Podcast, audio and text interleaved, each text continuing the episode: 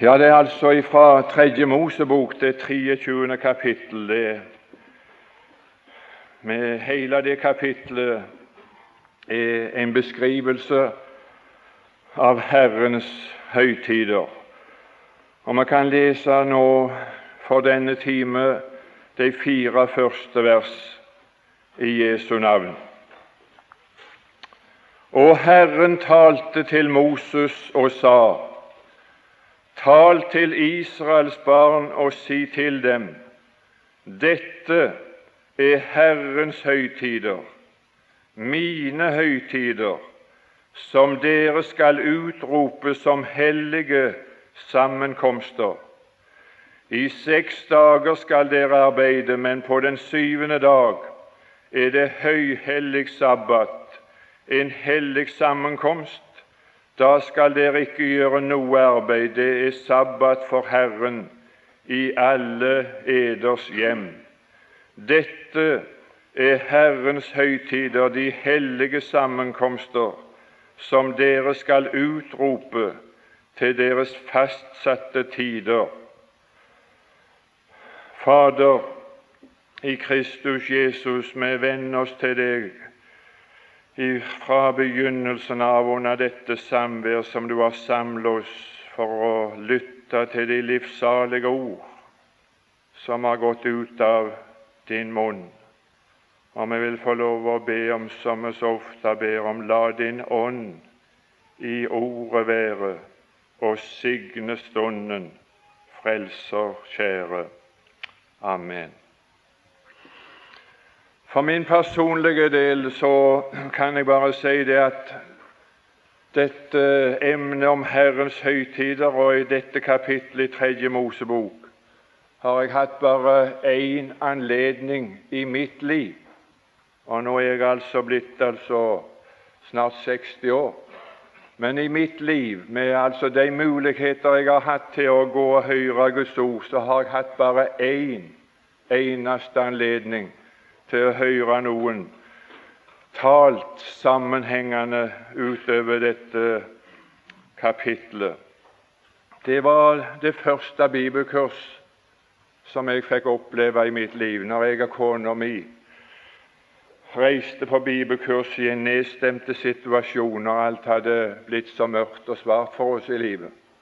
Så reiste vi på et bibelkurs hvor uh, han far og Dyrseth og Lars Lie hadde et bibelkurs oppe i Østfold. Det var første gangen i mitt liv.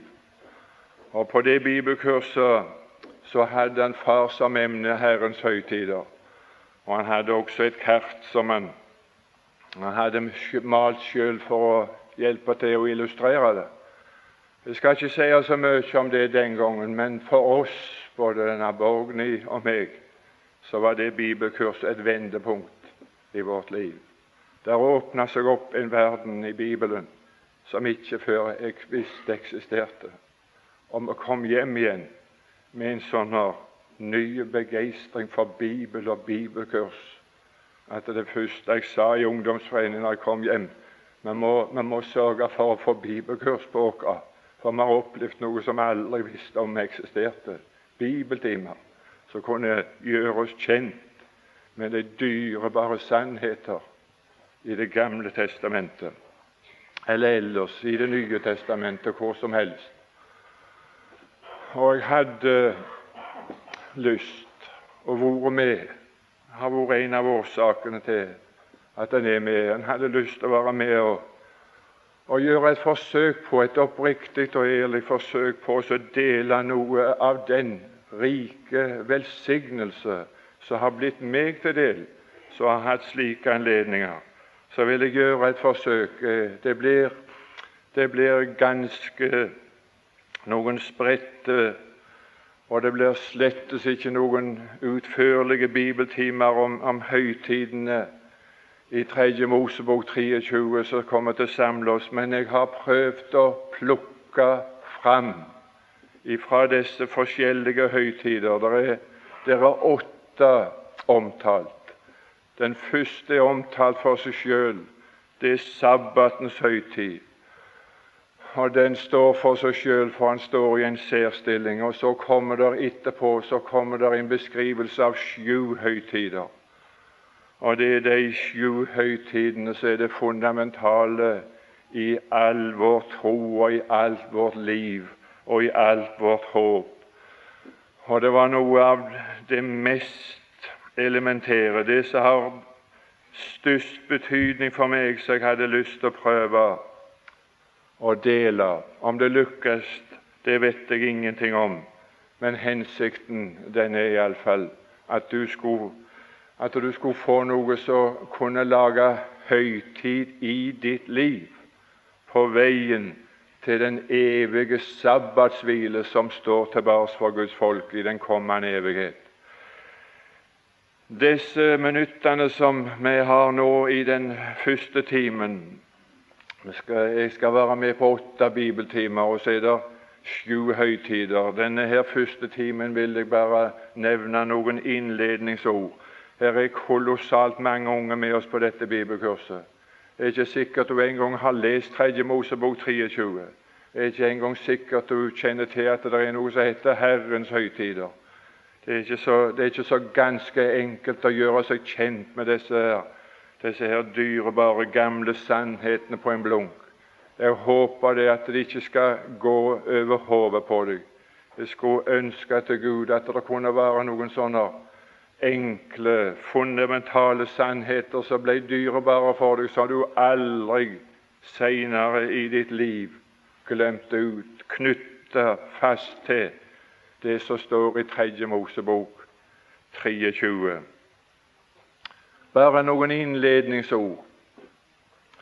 Jeg er så sikker som jeg står her, altså, at det er det mest det som kan gi oss mest utbytte i livet, det er å, å, å bli gjort kjent med disse sannheter i Det gamle testamentet.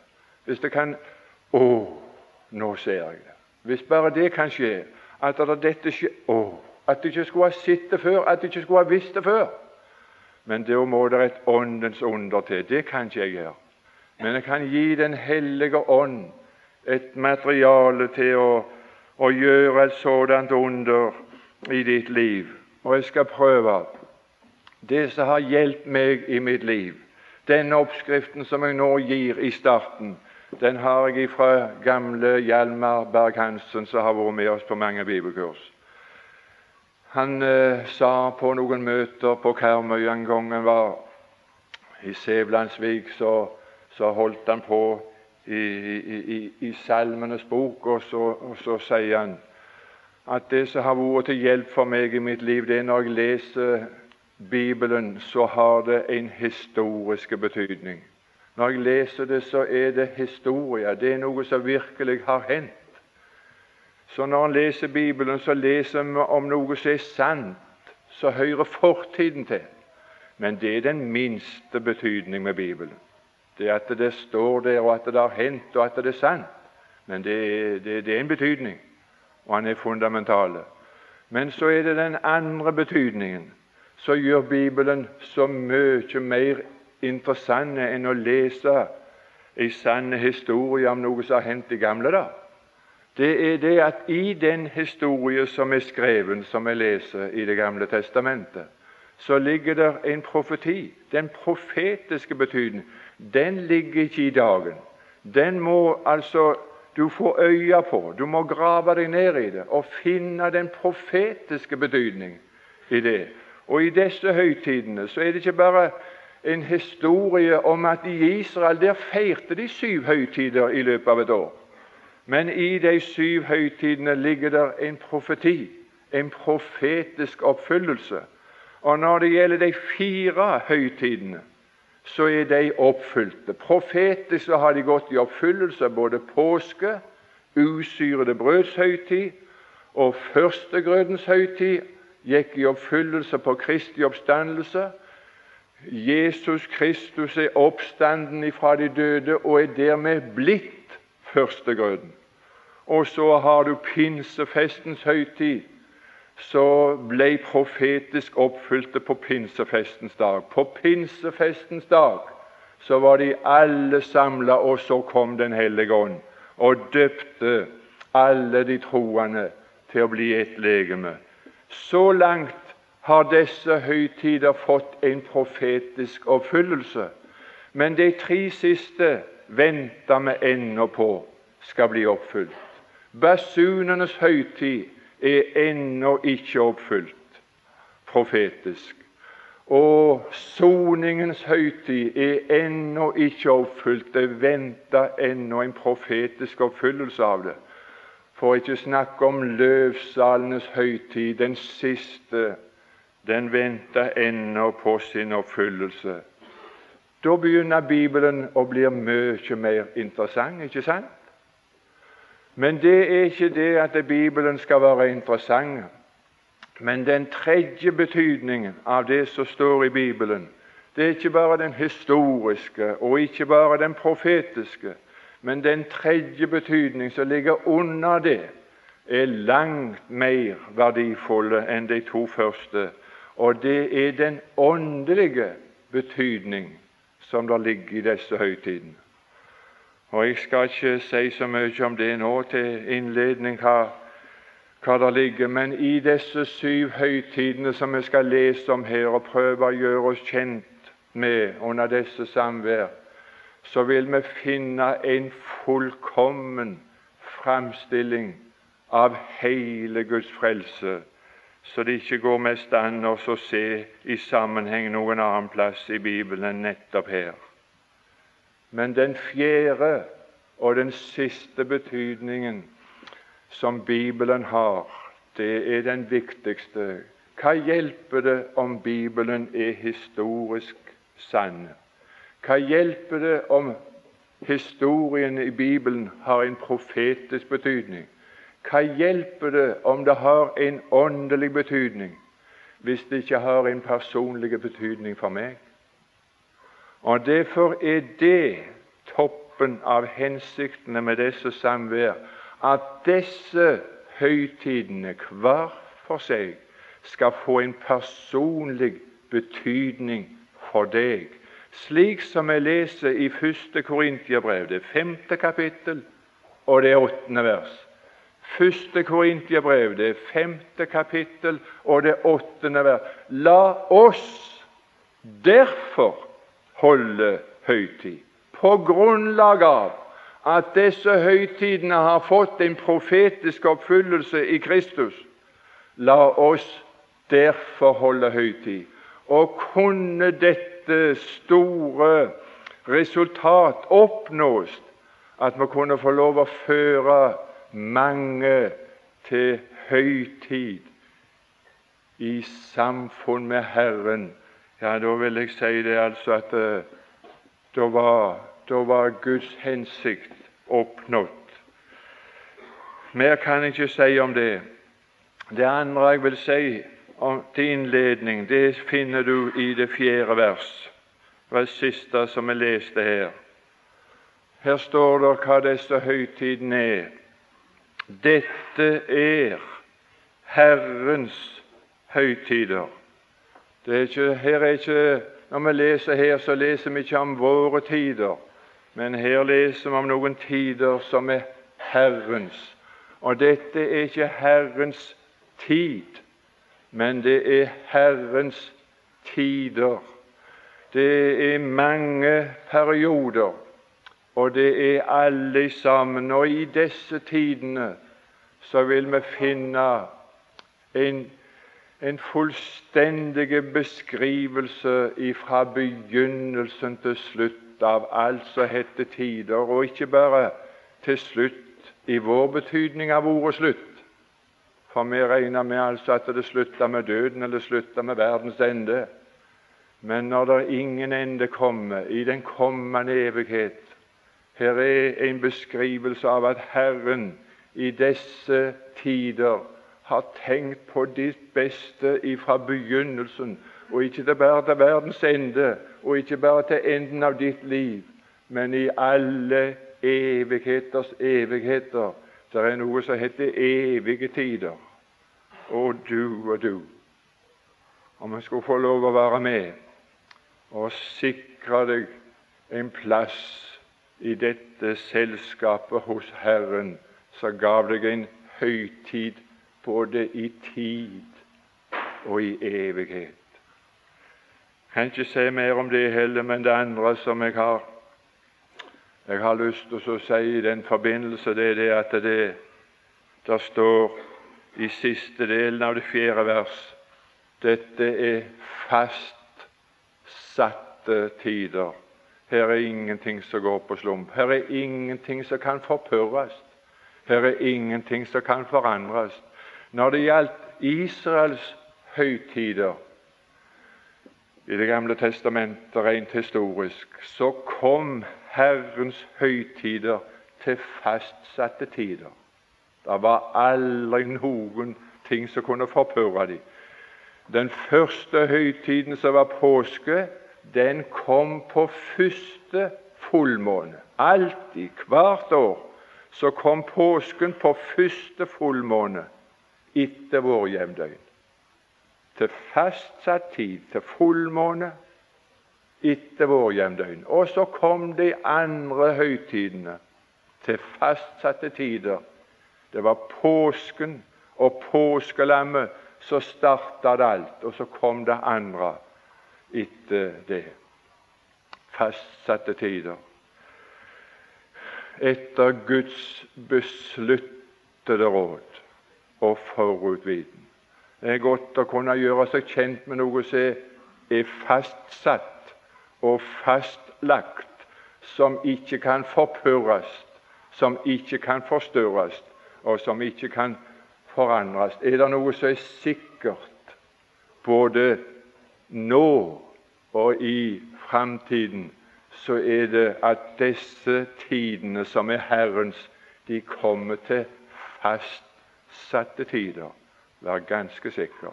Her er noe du kan regne med som trygt og fast. Esaias, det 46. kapittel og det 9. vers. Esaias 46,9. En beskrivelse som Gud gir av seg sjøl. Og det er, det er vidunderlig å ha et slikt kjennskap til den Gud som vi tror på, og som samler oss.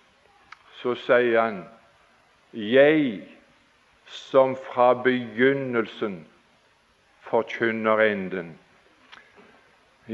fra begynnelsen. Vi har ei bok i Bibelen som er begynnelsenes bok. Det er første Mosebok. Den skulle hete Begynnelsenes bok. Det er Genesis. Begynnelsenes bok. Og når Gud hadde skrevet første Mosebok, begynnelsenes bok, så hadde han fastlagt enden. For i første Mosebok har Gud nedlagt hele programmet for fra, fra evighet og til evighet. Første Mosebok og, og, og, og, Det gamle testamentet i så måte, disse historiske begivenheter, det er akkurat slik som det er med koddene. Du bestemmer høsten om våren. Gud bestemte hvorledes slutten skulle bli når han begynte. Bonden bestemmer hvorledes høsten skal bli når han begynner så om våren. Når han sår kveite, så får han kveite om høsten. Og således har Gud fastsatt og bestemt hva han skal få på slutten. Og her er det noe som forteller om begynnelse og slutt. Det Er ikke godt å gjøre seg kjent med slike ting?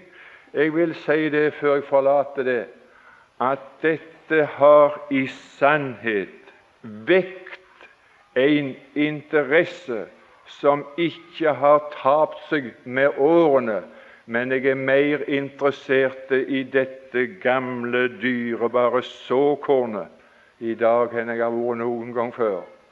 Et, en umettelig interesse som jeg hadde lyst til å gi deg smak på, som vil gi deg mer smak. Men det er ikke bare Herrens Herrens høytider. Men i dette verset så sto det at det er sammenkomster. Sammenkomster. Guds idé med disse høytider som han her gir oss en beskrivelse av, det er også å samle et folk hos seg sjøl, omkring seg sjøl, og at det folk han samler hos seg sjøl, en sammenkomst hos Gud, omkring Gud, så lager en høytid for de som blir med der og lar seg samle der. I apostlenes gjerninger finner du et uttrykk i det 15. kapittel og det 14. vers, som står i nøye overensstemmelse med det som jeg hørte de hadde fått som et ord som har gått igjen i tre måneder før dette bibelkurset ble en realitet. Og det var et ord som hadde med omsorg å gjøre. Og denne omsorgen som der var snakket om i innledningen, det var, det var Guds omsorg. Gud hadde omsorg for et land, og Gud hadde omsorg for sine barn som han hadde i det landet. Og nå står det her i det første i apostlenes gjerninger, det 15. kapittel og det 14. vers. Og Herrens høytider i grunn er i overensstemmelse med det som vi der leser. Peter har fortalt, og jeg skulle ønske at vi var i selskap med han, hvorledes, hvorledes Gud ifra først av har dratt omsorg for å få et folk av hedninger for sitt navn. Og det så vi kan fortelle om hvorledes Gud har dratt omsorg for å få et folk av hedninger for sitt navn, det vil du finne i den åndelige betydning av disse høytidene. Hvorledes Gud ifra først av drog omsorg, hvorledes det skulle bli en første høytid for meg. Og det var påske. Det var påske. Det var det som var den første begynnelsen til høytid for folk. Nå skal vi ikke si noe mer om det, men det var sammenkomster, og disse sammenkomster hadde noe med Herren å gjøre. Og vi har det sagt der i 2. Mosebok, det 25. kapittel og det 22. vers, at Herren sier 'Jeg jeg vil komme sammen med deg der ved nådestolen.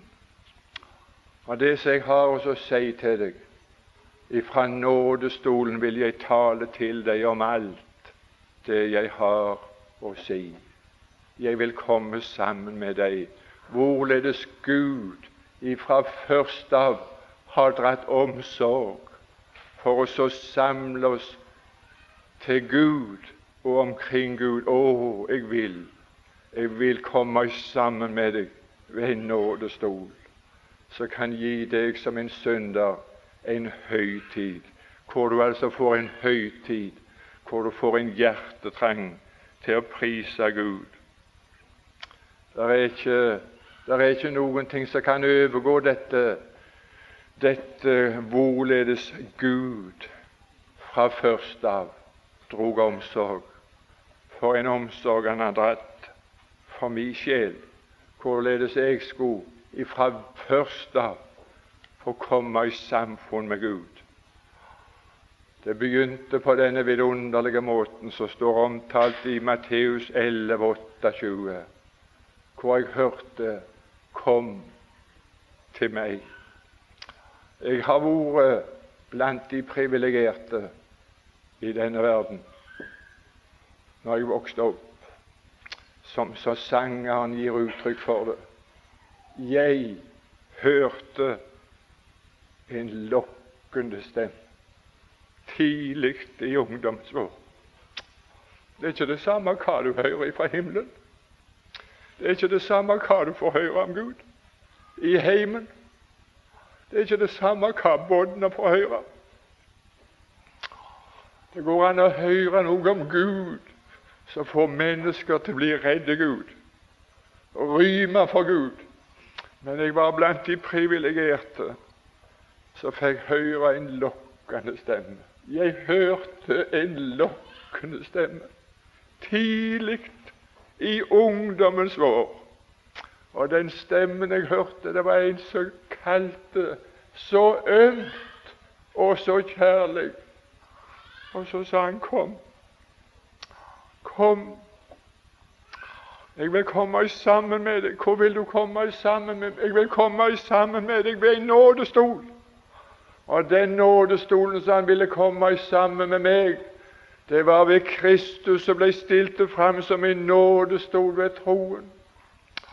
Og jeg fikk lov å komme i samfunn med Gud ved Jesus Kristus, ved nådestolen. Kom til meg, alle som strever og har tungt å bære, og jeg vil gi eder hvile. Hva slags hvile det er? Den første høytid. For det som har med høytid å gjøre, det er hviledag, det er. Høytidshvile. Kom til meg, så vil jeg gi deg den første høytid. Påskefestens høytid. Det er den første høytid. Jeg vil komme sammen med deg der, og så skal du få hvile deg ut. Jeg håper det at alle her har hørt den innbydelsen, sagt ja takk til den innbydelsen, møtt Gud ved nådestolen. Hvorledes Gud fra først av dro omsorg For en omsorg om han lagt for dagen! For en omsorg! Og det når det ikke nytter med en far, og ikke nytter med en mor, å bære framover en røst, for det kom, og den lokkende tonen, så drog de meg med på møter. Så gikk jeg av høflighet og fulgte den far og fulgte den mor. Jeg gikk i lag med de til den alderen, men så kom jeg opp i en alder hvor jeg ikke ville gå i lag med de til bedehuset, for jeg skjemtes. Men jeg hadde såpass lyst å være lydig imot dem at når de var kommet seg inn, så kom jeg diltende inn på bedehuset etterpå. Og det sa de ikke makta, det var da en baker bakere. At ikke han var gjenstridig og satt stilt når det var vitnemøte, så reiste han seg opp. Og alle de ganger han vitna, så hørte jeg en lokkende stemme. Så kaldt, så ømt og så kjærlig. Og hvis det er noen jeg har å takke for at jeg, at jeg lot meg dra, så er det nå denne bakeren som ikke lenger er her. Nå er han også hjemme i herlighet. Jeg gleder meg til å få møte han der ja, ja, tenk om å kunne, tenk om å kunne være en sånn røst av en som bar fram et sånn vidunderlig, lokkende stemme fra himmelen. Kom, så skal du få høytid. Det er noe som vi kaller for en grå hverdag. Det, det har ikke Gud. Det fins det ikke, det. Det hører ikke med til Herrens tider, det med grå hverdager. Gud har bare høytider. Herrens høytider. Og du og du, altså. Ja, det siste ja, i, den, i det verset som der sto der i apostelgjerningene, hvorledes Gud fra først av dro omsorg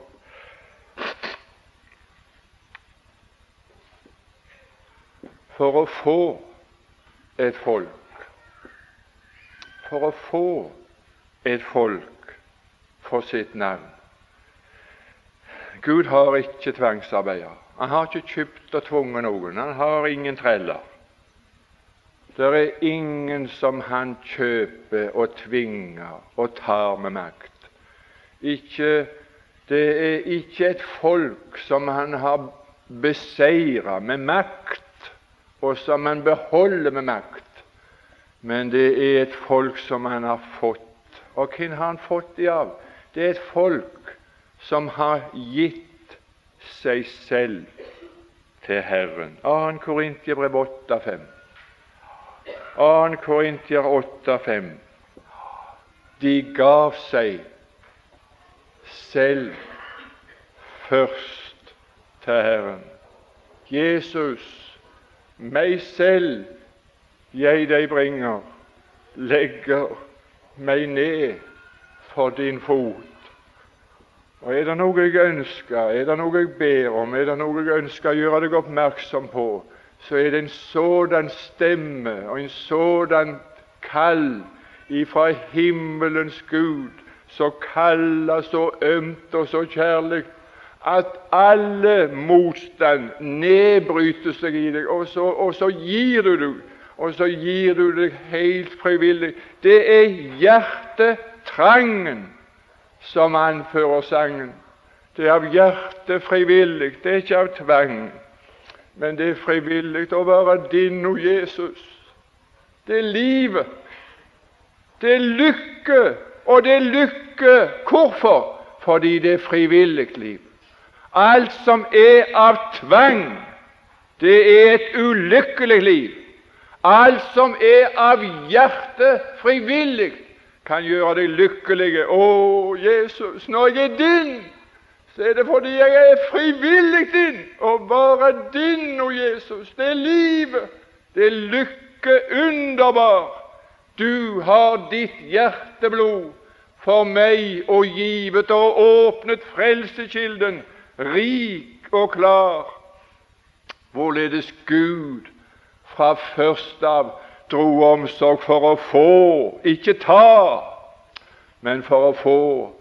De gav seg. Tenk om det skulle bli mange hjerter som ble inntatt av Herren. Og om du hadde vært inntatt før, så ønsket jeg at det samme som inntok deg første gangen, skulle være i stand til å fornye din hjertes hengivelse til Herren. Og så det siste disse sammenkomster som Herren her gir uttrykk for, det er hellige sammenkomster. Og hellige i Bibelen, det betyr, så langt som jeg har fått det fremstilt av de som er språkkyndige, det betyr utskilte sammenkomster.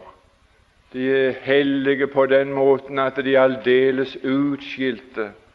Det er avtalte møtesteder hvor du på fritt grunnlag kan få lov å møte den som har avtalt møtestedet. Han sier 'Jeg vil komme sammen med deg der'. Hvis du møter fram der, så møter du Gud der. Og det er hellige sammenkomster. Det som jeg har lyst til å gjøre deg oppmerksom på da til slutt, i innledningsordene, det er at den første høytiden som står omtalt, dette er Herrens høytider. Og så, så kommer beskrivelse av den første, som er sabbatens høytid. Og sabbatens høytid, det er den høytid som vi hører om i begynnelsen av første Mosebok, at Gud arbeidet i seks dager, og på den syvende dag så hvilte han. Og det ble hviledagen, sabbatsdagen, den høytiden når Gud hvilte på et fullkomment verk som han hadde gjort og var fornøyd med. Men den sabbatskvilen som begynte der, når, når Gud hadde gjort seg ferdig med, med skapelsesdagene, den var der ingen som fikk dele med Gud. Syndefallet gjorde det umulig for noe menneske å få delta sammen med Gud i denne sabbatskvile. Syndefallet må du aldri glemme. Syndefallet som gjorde det umulig for Gud å dele samfunn med noe menneske som hadde synda. Derfor så kommer det en nytt grunnlag. Ikke arbeid for å hvile på den syvende dag, men så kommer dette som vi begynner å lese om i det fjerde vers. Dette er Herrens høytider, de hellige sammenkomster som dere skal utrope til deres fastsatte tider. Kolon. Og etter kolon så får du altså Slik som læreren forklarte meg, så sa han det at nå kommer det, altså. Nå, nå, nå kommer det. Nå kommer hva som er Herrens høytider, på et nytt grunnlag når det er når syndefallet er en realitet. Hva har nå Gud å utrope til syndere i denne verden? En hvile som vi kan få lov å delta i høytid med Gud. Jo, da begynner han med påske. Ja, ja, etter syndefallet, etter syndefallet, så er lammet eneste grunnlag til å komme i samfunn med Gud. Det var lammet som var eneste grunnlag for Adam og Eva til å få hvile og holde høytid etter syndefallet. Og det lammet, det var det lammet som Gud hadde slakta og gjorde kjortler av skinn som han kledde Adam og Eva i. Og så fikk de holde høytid. Du store min. Meg til frelse, jeg intet vet uten deg, Guds land. Jeg får ikke samfunn med Gud med at jeg gjør, og så får jeg delta i sabbatskvilen på den sjuende dag. Men fordi jeg har synda, så kaller Gud meg til å delta i en høytid som begynner med lammet. La oss derfor holde et høytid, for Kristus, vårt påskelam, er jo slaktet La oss derfor holde høytid. Meg til frelse, meg til høytid. Jeg intet vet uten deg, Guds lam. Derfor er kjennskapet til rekkefølgen i disse høytider, til disse sammenkomster, å komme i sammen med Gud på et på et grunnlag og på et nivå og på, på forhold som holder i tjukt og tynt. Kom, sa han, til hvem som helst, hvor som helst, og når som helst da måtte en finne deg. Kom til meg, alle som strever og har tungt å bære, og jeg vil gi eder hvile. Fader, i Kristus Jesus. Vi takker for å få lov å være for ditt åsyn, for din sannhetsord å høre. Og vi vil så inderlig vi kan få lov å be om Vil du la det sannhetsord som rekkes, vil du la det nå den enkelte av oss ved din ånd dra sløret fra vårt øye. Vi ber om det i ditt dyrebare navn. Amen.